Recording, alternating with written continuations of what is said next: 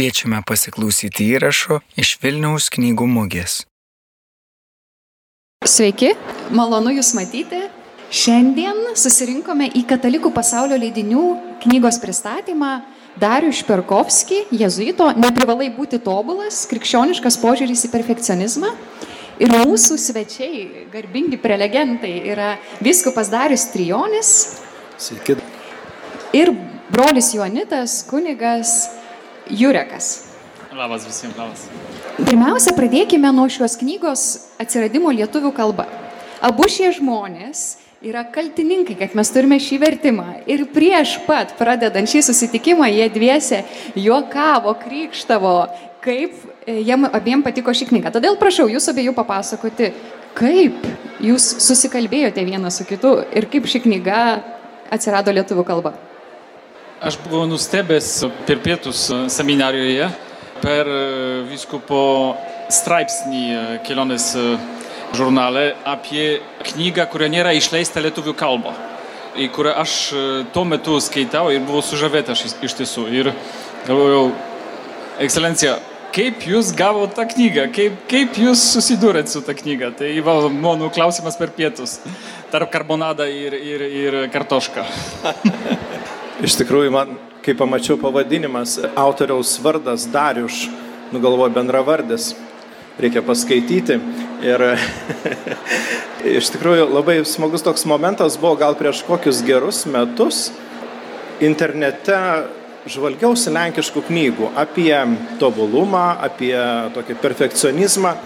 Ir netikėtai žiūriu tą knygą, e, atsisiunčiau ją elektroniniu formatu, išsiverčiau, man tai patiko, pradėjom kalbėtis su gerbiama Birutė iš Katalikų pasaulio leidinių direktorė. Ir nusinčiau kolektyvų, jie taip pat paskaitė ir užsikabino. Tada vėliau turėjome ir rekolekcijų, ir pokalbių, ir teko kelionės žurnale, tokį straipsnį pagal tą knygą, remiantis tą knygą parašyti. Ir mane labai tikrai užkabino, kad šio laikiškai taip blaiviai, taip tokiu gerų žvilgsnių žvelgia į tai, kaip mums reikia siekti to šventumo. Nes mes dažnai kalbam apie šventumo kunigai ir tas atrodo šventumas, kad kažkas tokio nepasiekiama. O pasirodo, visų pirma, reikia mumise nugalėti tam tikras pagundas, kaip sakoma, norėti būti čia ir dabar staiga tobuliems. Tai va, mane tas užkabino ir kažkaip taip prasidėjo ta kelionė. Iš tiesų man irgi tai per internetą aš galėjau surasti tą knygą, bet pavadinimas yra labai atviras ir atitinka iš tiesų šiandieninių žmogų iššūkiams. Kiekvienas iš mūsų nori būti tobulas ir tai labai gerai. Koks yra Jėzaus požiūris į tobulumą, net ir į to, kad pirma vieta yra tik vienam žmogui. Visi net, netapsim pirmi. Kažkokia neteisybė Evangelijos pusė. Ir Piurkovski labai gerai paėmė tą temą iš diagnozės šiandieninės kultūros ir mąstymo pusę. Tai labai įdomu pamatyti, kad jisai išeina iš šiandieninio žmogaus mąstymo, o ne iš taip, kaip turi būti iš tiesų. Iš tikrųjų, ši knyga yra labai šiuolaikiška. Galėtumėt pagalvoti, kad tai yra psichologijos knyga, nors iš tikrųjų tai yra gili dvasinė literatūra. Ir man atrodo, kas man pačiai buvo svarbiausia, kad skaitant šią knygą, man atsivėrė Biblijos veikėjai, Biblijos žmonės, kurie pasirodė tokie artimi, visiškai kaip aš. Aš galėjau tapatintis su tuo, kaip autorius interpretuoja Biblijos veikėjus. Ir man pačiai labiausiai patiko Švento Petro interpretacija ir Mortos. Ir vad, prieš šį susitikimą viskupas Darius sakė, man irgi, man irgi šitie du Biblijos veikiai buvo labiausiai atskleisti. Tad noriu ir paklausti, ekscelencija, kodėl Petras ir Morta taip suskambėjo šioje knygoje?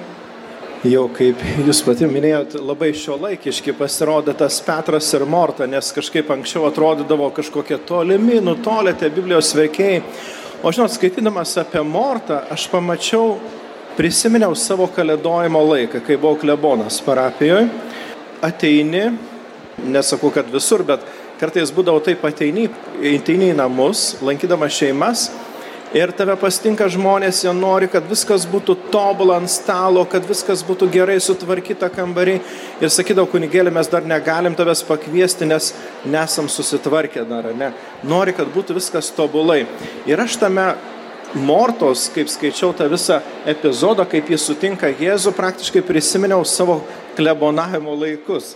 Jėzus ateina pas Mortą, Morta bėgioja užsiemusi visokiais reikalais. Bet svarbiausias dalykas, kas yra, Jėzus ateina pas ją į namus, nori pasikalbėti, o ji bėgioja. Ji bėgioja, nes užsiemusi labai daug įvairiausių rūpešių. Paprastai tai būdavo irgi parapijoje nueini. Tai žiūrėk, tai podelis, ne tai padėta, ne tas podelis, tai cukraus trūksta, tai dar kažko. Žmogus bėgioja, o tu nori pasikalbėti. Žinai, sakau, turiu 15 minučių, einu į, kit, į kitus namus. Oi, kaip mažai laiko tavo. Ir visą tą laiką žmogus bėgioja, kad viskas būtų tobulai ant stalo. Bet esminis dalykas yra, kaip suprasti tą dalyką, kad Jėzus ateina pas Mortą ją aplankyti, o ji pasinėrusi į daugelį įvairiausių dalykų. Taigi čia tas perfekcionizmo toksai pobūdis, bruožas, noras parodyti, kad viskas pas mane gerai, bet užmiršimas pagrindinės minties, kas ateina pas mus ir kodėl būtent ateina žmogus pas mus, ateina pabendrauti. Ar ne? Ačiū, Milda, kad pabrėžai, kad tai yra dvasinė literatūra, nes Piurkovski, kuris yra rekolekcijų vedėjas Zakopanai teatruose ir kuris daug analizuoja iš tiesų, kokie yra šiandieninio žmogaus iššūkiai, paima Mortą, Saulą ir Petrą kaip trys pavyzdžiai, kaip šventame raštai atsiranda toks siekimas tobulumo. Kad tai yra ne tiek šiandieninio žmogaus pagunda, bet tai yra Dievo vedimas kiekvieno krikščionių. Kiekvienas iš mūsų praeina per tą etapą. Ir labai gražiai sujungia tie trys skirtingi siekimai tobulumo per valdžią Petro, kuris nesutinka, kad gali būti kažkas netobula valdžioje, per Saulą, dar ne Paulių, bet Saulą, kuris nori tas tobulumą siekti per mokymą iš tiesų. Ir Morta, kuria jau per darbą, per, per paslaugą, per tarnystę iš tiesų, ta tarnystė turi būti tobula. Jeigu kažkas trūksta ant stalo, tai tragedija, tai mūsų svečias jau nėra gerai priimtas. Kas iš mūsų nepažįsta tų tokių jausmų? Ir kas yra labai labai gilių, ir tai, man atrodo, ženklas tų tokių gilių dvasinių literatūrų, tai kad jisai sujungia per Jėzaus reakciją, Jėzaus švelnį pastabą. Petrai, Petrai, Saulai, Saulai, Morta, Morta. Iš tiesų, Evangelijoje mes atrandam kiekvieną kartą du kartus kartoja vardą. Jeigu viskupas man švelniai norės pastebėti kažkas, kad Jurgi, Jurgi, aš tikrai labai švelniai priimsiu, bet jeigu jis pasakys, Jurgi. Trečio karto geriau, kad nesakytų. Ne? Tai rodo tokia tikrai Jėzaus švelnumą, artimumą. Jisai rūpinasi dėl žmogaus. Ir tai yra jo tikslas. Ir tai yra labai gilu toj knygoje, kad rodo iš tiesų to Jėzaus žmogiškumą, Jėzaus švelnumą. Man pačiai, kuo patiko autoriaus interpretacija, kalbėjom apie Petrą, Saulių ir Mortą, kad jisai parodo, iš kur kyla perfekcionizmas, kokios yra jo šaknis. Ir sako, Tai yra noras įrodyti save, kažkaip savo darbais nusipelnyti išganimą, nusipelnyti meilę. Ir sako, tai kyla iš vidinio nesaugumo, mes jaučiamės kažko nevertingi, kad būtinai turim patys viską padaryti ir kažkaip užsitarnauti Dievo kažkokį palankumą. Bet kitas dalykas, sako, mes kartu paminame mūsų prieškimo tiesą, kad malonė ateina veltui. Tai nereiškia, kad mums nereikia stengtis, mes esam kviečiami į nuolankumą, bet vidinis kažkoks užsispazmavimas, reikalavimas iš savęs būti tobulu nuveda, kaip sako autorius, nebūtinai iki ypatingo veiklumo. Gali nuvesti iki veiklumo, tai yra prieštaravimo kitiem, nervinimosi, erzinimosi ir tada atrodo, kad tu labai daug darai, nes nuolatos esi įtampo ir kažkas vyksta. Ir sako, tik tave nu, kažkaip įsuka iš ratą ir negali išeiti, bet iš kitos pusės sako, jis gali nuvesti tas nesveikas perfekcionizmas į apatiją, nes tu supranti, kad man neišeina būti tobulam ir tada tu nusiveli ir sakai, velniop viską, nubloški ir tiesiog pasiduodi ir nieko nedarai. Ir sako, čia yra labai didelės gilios dvasinės priežastys, toks netinkamas santykis su Dievu. Aš dar norėjau paklausti, nes viskupas irgi prieš šitą susitikimą, nu mes čia pasikalbėjome maloniai, prieš jums stinkat, žinot, apsitarėm. Ir sakė, kad dabar kultūroje mes matome tokią tendenciją, tokią priekaištavimo kultūrą. Ar galėtumėt praplėsti daugiau, apie ką mes čia kalbėjom prieš susitikimą? Teko skaityti, kad pastaruoju metu sociologai kalba apie priekaištavimo tokią kultūrą, kad žmonės ieško tokio tobulo kaip sakoma, kad viskas būtų tobulai. Jeigu kažkas ne taip, toj pat atsiranda komentarai. Pastebėkite, kodėl mes labai, pavyzdžiui, turime daug kas Facebook'o tą profilį. Kažkas kažką pasakė, toj pat komentaras, kad ten dar kažko netaip te pasakė. Ir nuolat kažkoks priekaištas, kad jis geriau žino, geriau supranta. Ir tas noras geriau žinoti, geriau suprasti, parodyti, kad aš geresnis, ir yra vienas iš tų psichologinių, galima sakyti, perfekcionizmo apraiškų. Ir aš dar pagalvoju, eidamas į tą susitikimą, kad jeigu žiūrėsime iš teologinio taško, iš kur atsiranda tas perfekcionizmas, nes jis yra noras parodyti save tobuliausių būdų, ar ne, kad mes esame geresni, negu kad kitas nepagalvot, kad kažko mums trūksta. Aš pagalvoju iš teologinio taško, žmogusgi sukurtas yra tobulumui.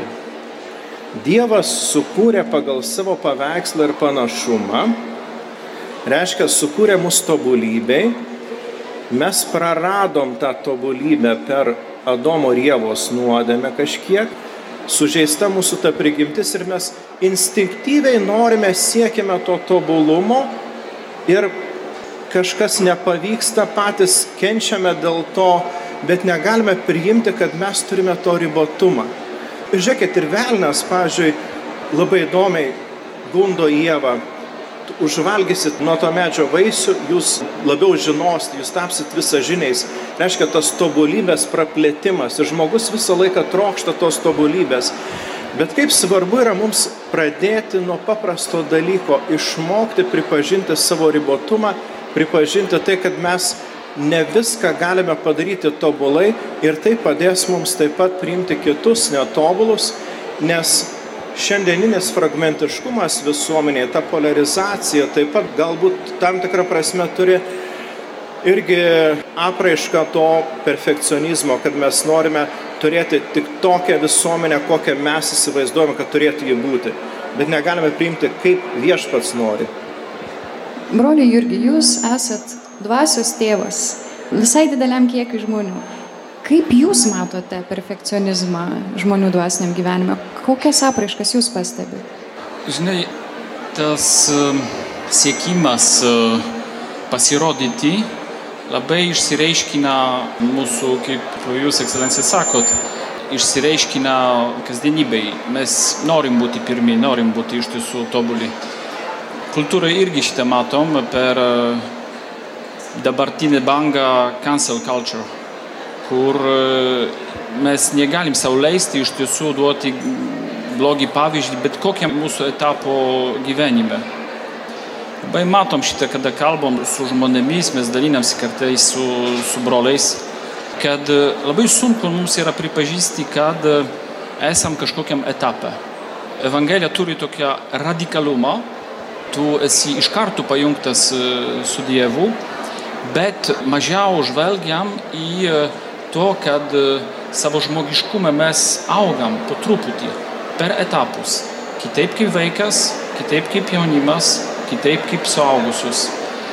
Nieko baisiaus mūsų dvasinė gyvenime neigu morališkumas, kuris reikalauja iš visų tą patį, tokiam pačiam lygmenyje. Ir e, tuo pačiu metu, skaitant tą knygą, atsipalaiduojam galvojam, taip, iš tiesų aš turiu teisę būti kažkokiam etape, kur gal nepasiekiau tavo mildos etapą. Gal nesu tenais. Ir net jeigu esu kunigas, dar man reikia laiko. Iš tikrųjų, tai yra tokia nuraminimo knyga. Gerąją prasme. Tai nereiškia, ai, tai gyvenkim kaip norim, nesistengim, bet toks švelnus nuraminimas ir autorius pats sako, Dievas yra kantrus ir Evangelijose Jėzus labai kantriai prieina prie žmogaus. Čia mes iš savęs reikalaujam kažko daugiau negu galime. Ir tas Petro pavyzdys buvo, kad Dieve, aš čia už tave pasiaukosiu, aš čia toks visas pasiruošęs. Ir tada Darius Perkovskis sako, bet Jėzus iš jo tai to neprašo. Jis supranta, kad Petras yra silpnas ir nori, kad pats Petras tai pamatytų. Nes Dievas yra kantrus, Jis leidžia mums aukti, kaip sakėt, leidžia būti augimo etape.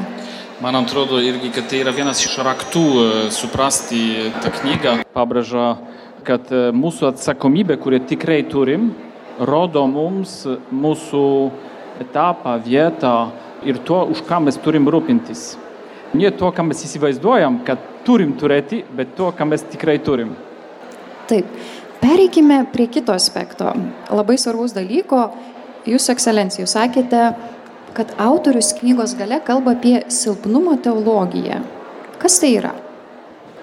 Iš tikrųjų, galbūt taip galime pailustruoti popiežiaus Benedikto XVI žodžiais, kurį jis, galime sakyti, to silpnumo teologiją išreiškė tokia mintimi. Jis sakė, 2005 metais per vidurnaktį aukotų mišių homiliją tokius žodžius. Kai žvelgia į jėdžias ir jis sako, Dievas yra toks didis, kad gali tapti mažas. Ir Dievas yra toks galingas, kad gali tapti silpnas. Jis ateina pas mus kaip bejėgės vaikas, kad mes jį mylėtume. Ir iš tikrųjų mintis yra kokia. Šiandien mes labai tą jaučiame, kad įvaizdis toksai Batmano, Supermano, pavyzdžiui, ypatingai įvairiuose tose komiksuose, vaikų žaidimuose ir filmuose rodomas, kad žmogus turi būti galingas, kažkoks viską nugalintis, padarantis toks prometėjas, kuris turi savo gale viską padaryti ir nuveikti. Tuo tarpu Dievas ateina į pasaulį kaip mažo kūdikio paveikslų, jis auga kartu su mumis, Jėzus auga kartu žmonių tarpe, kad parodytų, kad mes išmoktume auginti savyje tuos Dievo talentus, tas dovanas, kurias Jis mums duoda. Ir kad mes, būdami riboti, nesugebantis kartais galbūt viską padaryti tobulai, vis dėlto esame pašaukti tapti tais šventais ir tobulai žmonėmis, galime sakyti, pagal Dievo paveikslą ne pagal mūsų supratimą, bet pagal Dievo paveikslą. Ir iš tikrųjų ta silpnumo teologija reiškia, kad sugebėti priimti kiekvieną savo tą ribotumą, kurį mes turime. Kartais žmonės labai nusivilia tuo, kad jis negali būti kaip jo kaimynas, kaip jo kitas žmogus, kurį jis mato šalia savęs. Ji tas erzina, jam tas nepatinka, bet Dievas sako visų pirma, primk save tokį, koks esi ir užaugink save tokį pagal tą Dievo paveikslą ir panašumą ir tu tikrai tapsi tuo tobulu ir tuo, kuris esi reikalingas čia šiandien šioje žemėje. Tęsiant tą miltį, labai įdomu yra Pirkovskovo būdas skaityti Evangeliją iš tiesų. Ir tą temą silpnumą jis irgi pratęsia analizuojant palyginimą, samaritiečių palyginimą kurią mes visi pažįstam, labai paprastas palyginimas, kad reikia suteikti pagalbą žmogui, kuriuo sutinkam ant kelių. Tas samaritietis jo nuneša į užeigą. Užeigą, ačiū. Ir Brukovski lygina iš tiesų bažnyčią, tai reiškia pasaulį, tai reiškia kiekvieną iš mūsų ir į gydytoją, ir į sergantį. Jisai sako, mes esam bažnyčioje, mes esam pasaulyje ir silpni, ir stipri. Mes ir reikalaujam pagalbos, ir turim padėti kitiems. Mes esam ir ligoniai, ir gydytojai. Tiesą sakant, aš pirmą kartą va tokią interpretaciją iš tiesų to palyginimo girdėjau, bet pripažinu, kad man labai suskambėjo, nes tokiu būdu ta hierarchinė bažnyčia atranda savo tikrą dvasinį prasme mes irgi einam iš pažinties, mes kunigai. Ir mes irgi prašom pasauliečių pagalbos e, ir patarimų. Tik tai vieną mintį pasakysiu. Autorius e, remiasi Teresėlės, kudikėlio Jėzaus Teresėlės mažojo kelio tą viziją. Mažasis kelelis, tai va, nuo čia ir prasideda nuo mažo kelio prasideda ilga kelionė. Jeigu pratesti Teresėlę, va kaip tik turiu čia su savim, tai man labai patinka, kai jinai kalba apie Dievo teisingumą ir sako, kad Dievo teisingumas yra visada gailestingas. Kuria prasme? Jis sako, Dievas pažįsta mus, jis žino, kaip mes užaugom, ką mes gavome ir ko negavome kiek buvom išmylėti, kiek nebuvo. Ir jis mato, jeigu mums labai sunku, tai jis nenuteis mus dėl dalykų, kurių mes patys negalėjom iš savęs kažkaip išreikalauti, nes nu, mums pritrūko vidinio saugumo, užtikrintumo, to buvimo išmylėtų. Ir sako, Dievo teisingumas yra tikrai gailestingas ir mylintis, nes jis viską mato, viską priema ir nereikalauja iš mūsų daugiau, negu mes galime. Tai čia vienas aspektas. O grįžtant prie samariečio palyginimo, man labai patiko, kaip Trečioje knygos dalyje, autorius sako, kaip įveikti perfekcionizmą, jis kalba apie švelnumą savo. Ir sako, kaip atrodo teisimas, kito teisimas. Sako, tada stovi tu vienas prieš kažką kitą vieną, iš aukšto teisi, lyg tu būtum tobulas. Ir sako, perfekcionizmas, va, tai yra tokia laikysena, aš iš savęs reikalauju nepagrysto kažkokio nesveiko tobulumo ir tada ir kitą graužiu, spaudžiu, ne, nes aš į kitą žiūriu taip, kaip žiūriu į save, bet tada atsiranda atstumas tarp mūsų, sako, o gailestingumas remiasi daugiskaita buvimu kartu. Aš esu silpnas, pripažįstu savo silpnumą, matau tave ir aš galiu tapatinti su tavimi. Ir sako, tada atsiranda artumas. Ir jis sako, kaip keista, kad Jėzus kalbėdamas apie gailestingumą pateikė tokius žmogiškus atvejus, ne kažkaip kaip Dievas kažką išsiveržia padaro, bet sako, ką padarėte iš mažiausių brolių, man padarėte, tada va, tas geros samariečio palyginimas. Ir Perkovski pabrėžia, kad mūsų žmogiškume yra įrašytas gailestingumas, bet kad jį atrastume, mums reikia pripažinti savo silpnumą ir kad mums reikia gydančio santykio su Dievu. Tas gydantis santykis, jisai pabrėžia iš tiesų sakramentų Dievo dovana mums. Tai labai įdomu, nes kartais šio laikinį teologiją rodo iš tiesų, kad galim per patį per savęs iš tiesų nueiti į Dievą. Jisai rodo iš tiesų, kad Dievas mums suteikia tikrą kelią, kur Kristus, kuris yra irgi silpnas, nori susivienyti su mumis ir duoti mums jėgą. Labai gražiai kalba apie sakramentus toj knygoj, bet man irgi atrodo, kad kiekvienas gali surasti savo, mes vieną dieną, taip kalbėjom su viskupu, kad ta knyga yra labai turtinga, labai daug temų yra, labai daug galim surasti. Ir iš filosofinės pusės, analizės šiandieninės kultūros, ir iš bažnyčios istorijos, ir, kaip tu minėjai, iš tiesų tą dvasinį žmogaus tikinčiųjų gyvenimą, paprastai žmogaus. Iš tikrųjų, gal truputėlį dar pratęsiu, gerbimoji brolio Jurgio mintį, kad labai turtinga ši knyga, tikrai verta ją skaityti.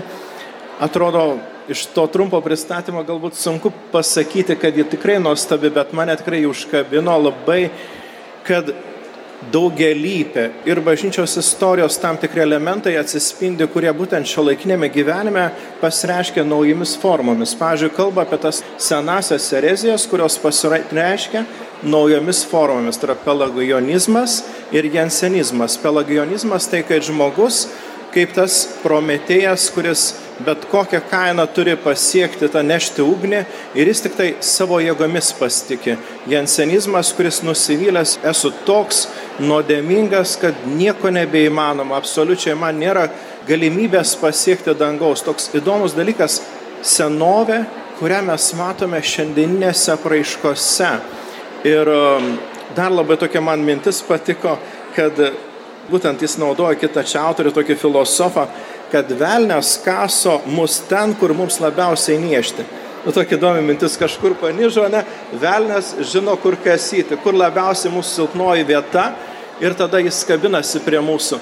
Ir žmogus, jeigu turi polinkį, pažiūrėjau, į pamaldumą kažkokį, velnės pasistengia taip padaryti, kad tas pamaldumas taptų mums našta, kažkokio tiesiog išbandymų, kad sakom, ai neįmanoma, tada jau viską numeti. Ir tas perfekcionizmas, man atrodo, ir gaunasi priežastimi, kodėl žmogus nusivilia daugeliu dalykų, nes ai, man tai yra neįmanoma. Ir tą patį gali žmogus pasakyti, tikintis, tie kunigai per daug užkelia tą kartelę, kalba apie dvasinę amžinai gyvenimą, kažkas labai nutolėt apie tos angeliukus, tai nėra įmanoma.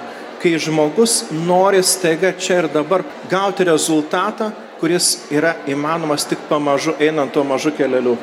Man skaitant kartais irgi tą knygą, nu, toks šaltas prakatėjimas, nes supratau gilį atsakomybę iš tiesų, gražiai, gerai, tiksliai pristatyti Jėzaus mokymą, pristatyti Evangeliją. Kiek daug priklauso iš tiesų nuo dvasininkų, kad pristatys iš tiesų Evangeliją. Jansenizmas, apie kurią ekscelencija paminėjo, Tai nu toks, aš nesu vertas iš tiesų eiti iš pažinties, eiti komuniją, to komunija tai vapšė tai nesu vertas. Komunija yra tik tiems, kurie nu, jau pasiekė tobulumą, jeigu tikrai nėra jokių nuodėmų pas mane ir net ir neprisimenu ir neprisiminsiu, tai galbūt galiu eiti į komuniją. Kitaip, ne, ne, ne, ne, ne ir ilgai ne. Tai ta atsakomybė, kad parodyti iš tiesų, kad Kristus suteikia savo pagalbą tiems, kurie yra silpni, tiems, kurie yra kelyje ir tiems, kurie reikalauja iš tiesų pagalbos, tai yra nu, tikra tokia nu, ganytojų programa, kad uh, tikrai pristatyti šitą ne kaip nusileidimas, bet kaip meilės išreiškinimas iš Jėzaus pusės. Ir dėl to veda iš tiesų į, į santykį. Iš tikrųjų, aš tai pagalvoju, pažiūrėjau, žmonės kurie rečiau eina į bažnyčią, susiduria su tam tikrom baimėm. Viena iš svarbiausių baimių yra, aš nežinau, kaip elgtis bažnyčioje. Stovi bažnyčios gale ir žiūri tas moterėlės, kaip jie sako, kurios priekyje, kada reikės klauptis, tada ir mes klaupsimės, kada jos tos, tada mes tosimės. Ta tokia baime nepasirodyti kažkaip blogiau. Baime, kad kažkas mus įvertins, kažkas mus ten pabars, o jau neduoktų Dieve kunigas nuo altoriaus dar parodys su pirštu, visai bus blogai. Tai iš tikrųjų ta knyga mus kviečia nugalėti baimės ir pradėti tą kelionę nebijant savo ribotumų, nežino, kad mes ne viską žinome. Įsivaizduokite, kad ir vyskupas ne viską dar žino teologiją, dar daug dalykų man reikia skaityti, daug, daug dalykų suprasti ir žinot, kada geriausiai supranti teologiją, kai kalbėsi su paprastais žmonėmis. Tada supranti, kaip Dievas veikia kiekviename žmoguje ir atrandi tai, ką kažkada skaitei, tu pamatai praktikoje. Tai va, esminis dalykas - niekam neįsigasti, pradėti žengti, ateiti bažnyčią, ateiti prie tikėjimo ir nebijoti, kad kažkas sakys, ne tu netai padarėjai arba netaip atsiklopiai. Visada Dievas duoda tą galimybę mums žengti tuos pirmosius žingsnius. Būkime mes tie, kurie padėsime vieni kitiems, bet ne kritikuosime arba nevertinsime kažkaip neigiamai tų žmonių. Man atrodo labai svarbus dalykas pastebėti, kalbant apie šią knygą, kad kartais mes girdim žmonės sakant, bažnyčia iš mūsų labai daug ko reikalauja. Bet iš tikrųjų, skaitai šią knygą ir supranti, ne, mes kažkaip asmeniškai, mūsų asmenybės kažkokios žaizdos, traumos yra kliūtis, kuri turim vidinį priekaištą savyje, kad turim būti kažkokie tobuli. Tai nereiškia, kad mes nesam kviečiami į tobulėjimą, bet kaip sakė Rolius Jurgis, etapais, mes einame etapais, Dievas yra kantrus mes turim tokį įvaizdį bažnyčios, kad nėra moralizuojati, tokia legalistinė, čia įstatymas, visi pagal vieną kurpalių, bet ar tikrai? O gal mes norėtume, kad tokia būtų ir galėtume kažkaip lengvai nuteisti, pasakyti, ne, čia nesąmonė, mums neįdomu. Kaip jūs žiūrit, iš kur čia tas požiūris, kad bažnyčia yra tokia legalistinė, moralistinė? Mes esame silpni. Dieve pasigailėk mūsų. Prisipažįstu. Tuo mišios taip prasideda, prisipažįstu visą galam Dievui. Bet žinot, kaip mane nustebino tam tikrą prasme mišių pradžia. Paprastai, kai kalbėsiu žmonėmis, įvairių žmonių pasitaiko, kurie sako, kaip mes galime eiti bažnyčią. Ateini bažnyčią ir iškart mušiesi krotinę, sukaltas, esu kaltas, jeigu aš nieko nepadariau, sako. Kitas dalykas, graži pedagogika tikrai šventųjų mišių liturgijoje tas ženklas, kryžiaus ženklas parodo, kad į mūsų gyvenimą ateina Dievas, ne mes vieni esame, bet viešpats visa švenčiausia trybė pasveikina viešpats su jumis. Ir tada po pato pasveikinimo visi, kad galėtume artintis prie to Dievo, pripažįstame savo ribotumą, savo silpnumą, savo nuodėmės. Ne dėl to, kad aš esu kaltas ir nesu vertas ten artintis, bet viešpatė, tu matai, koks aš esu, kaip apaštalas Petras, kad sakė po savo nuodėmės, kad viešpatė, tu matai, kad aš tave myliu, ne? Kad aš tiesiog esu toks, koks esu, ateinu pas tave, tu man padėk artintis prie tavęs ir tai bus tada kelionė pirmin, bet nebus tas toks dalykas, kad kažkas turi mane pasmerkti, įvertinti. Esminis dalykas, Dievas nori ne rezultatų, bet Dievas nori, kad mes auktume šventume. Tas šventumos negali būti, kad mes žiūrėtume per petį, kaip kaimynas ar mane aplenkė, ar atsiliko nuo manęs.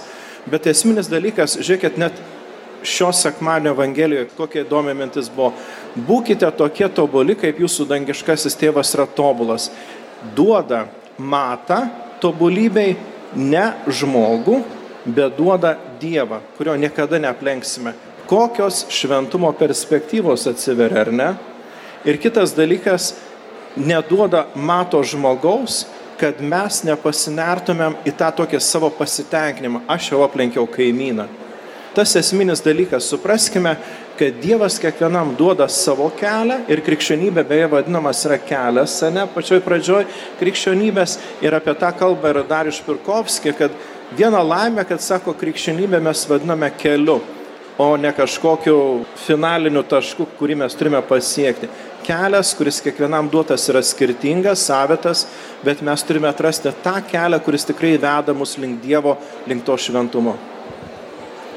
Grįžtant prie tavo klausimo, Milda, man atrodo, jėga to knygų yra pusiausvyris, kuris jisai moka iš tiesų išlaikyti. Jisai irgi pats psichoterapeutas ir kunigas, ir jezuitas, kas gal skiria biški, ir iš tiesų e, rodo, kad tai yra natūralu iš žmogaus pusę siekti tobulumo.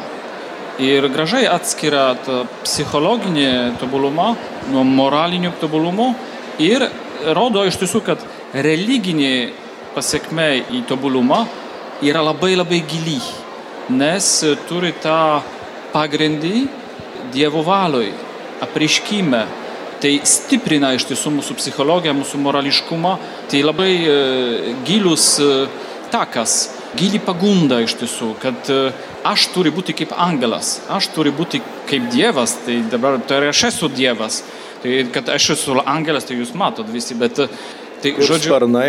Jo, tai man atrodo, kad tai čia yra didelė jėga tos knygos, kad rodo iš tiesų irgi vertybės įsigijimą kaip tikrą natūralų kelią į ryšį su Dievu.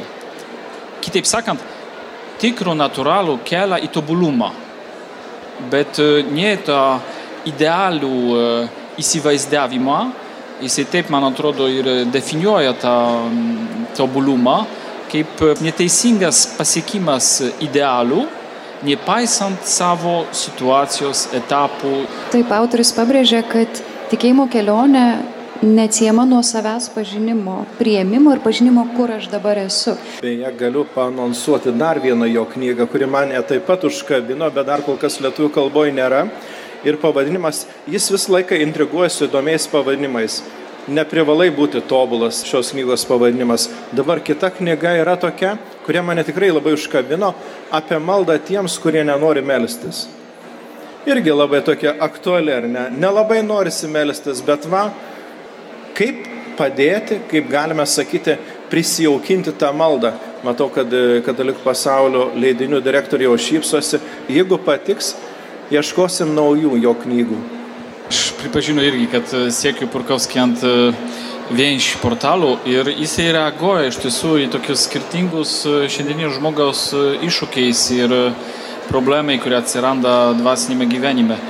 Man atrodo, per kalėdus paprašo mane kokią dovaną noriu, Tai keturios Pirkovskio knygą užsakiau. Čia parapiečiams, kaip sakant, idėja, kaip pasveikinti brolių Jurgį. Bet net neškit visi tą pačią knygą, pirmą susitarkit, ar ne? Pirmas klausimas, prašau. Aš norėčiau dar paklausti jūsų, broli Jurgi. Yra sakoma, kad ir būkite jūs tokie tobuli kaip jūsų tėvas. Tai man vis tiek neišino to primti. Gal e, ekscelencija papildys irgi, bet e, jo, iš tiesų atrandam tie žodžiai labai įdomų kontekstą. Tai yra pamokslas ant kalnų, kaip tokio pirmo ministro išdėstymas ne, savo mokymo Jėzaus. Ir jisai baigia jo taip, būkite tobuli, kaip jūsų tėvas, dangiškasis tėvas yra tobulas. Ir man atrodo, va, ta knyga irgi padeda suprasti, kad kitas yra Dievo tobulumas, kitas yra angelų tobulumas, o kitas yra žmogaus tobulumas. Ir daugiau jisai kalba, man atrodo, Jėzus apie meilės tobulumą. Mylėkite taip kaip aš, bet aš negaliu pasiekti to pačiu kūrybos tobulumo kaip Dievas. Aš negaliu pasiekti tą patį žinios tobulumą kaip Dievas. Aš galvoju, labai gražiai Jurgis įvedė tą mintį. Pagrindinis dalykas yra, kartais žmonės laikosi minimalistinės moralės tokios. Svarbu gyventi taip, kad nepatekčiau į pragarą, žinai. Nusistato tokią liniuotę, jokio žingsnio į priekį, užteks iki tos ribos, iki tos žymos. Čia, man atrodo, mintis yra, kad būtent Dievas mus kviečia širdies dosnumui. Atsiverkit tai begaliniai logikai, nežmogiškai. Nepasidėkit tą žmogišką liniuotę, pagal kurią mes matuojame tobulumą, kad ten turėtume būti tokie ir tokie. Negalvokite apie tai, bet leiskitės į kelionę, leiskitės į kelią, kaip sakoma. Tiesiog pasileiskit Dievo būti vedami. Ir tai yra esminis tas atsakymas. Būkite tokie tobuli, reiškia, einekite kartu su Dievu į tą kelionę. Nematuokit save, nenustatykit, kad aš turiu pasiekti 20 km ir tada darysiu sustojimą.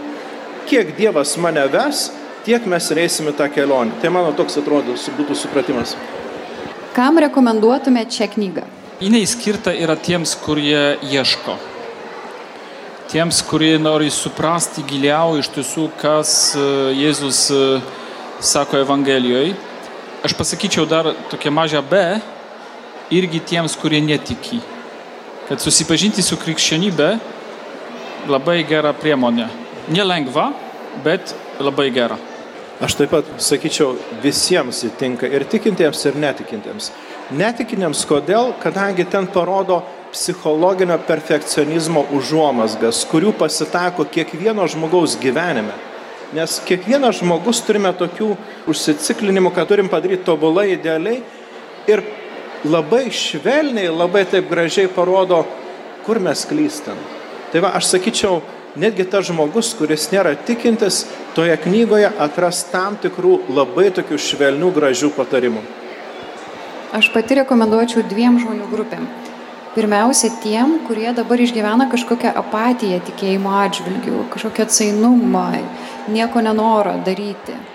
O kita grupė, turbūt tiems, kurie linkia priekaištauti kitiems žmonėms, net tokie graužikai kitų ir savęs pačių.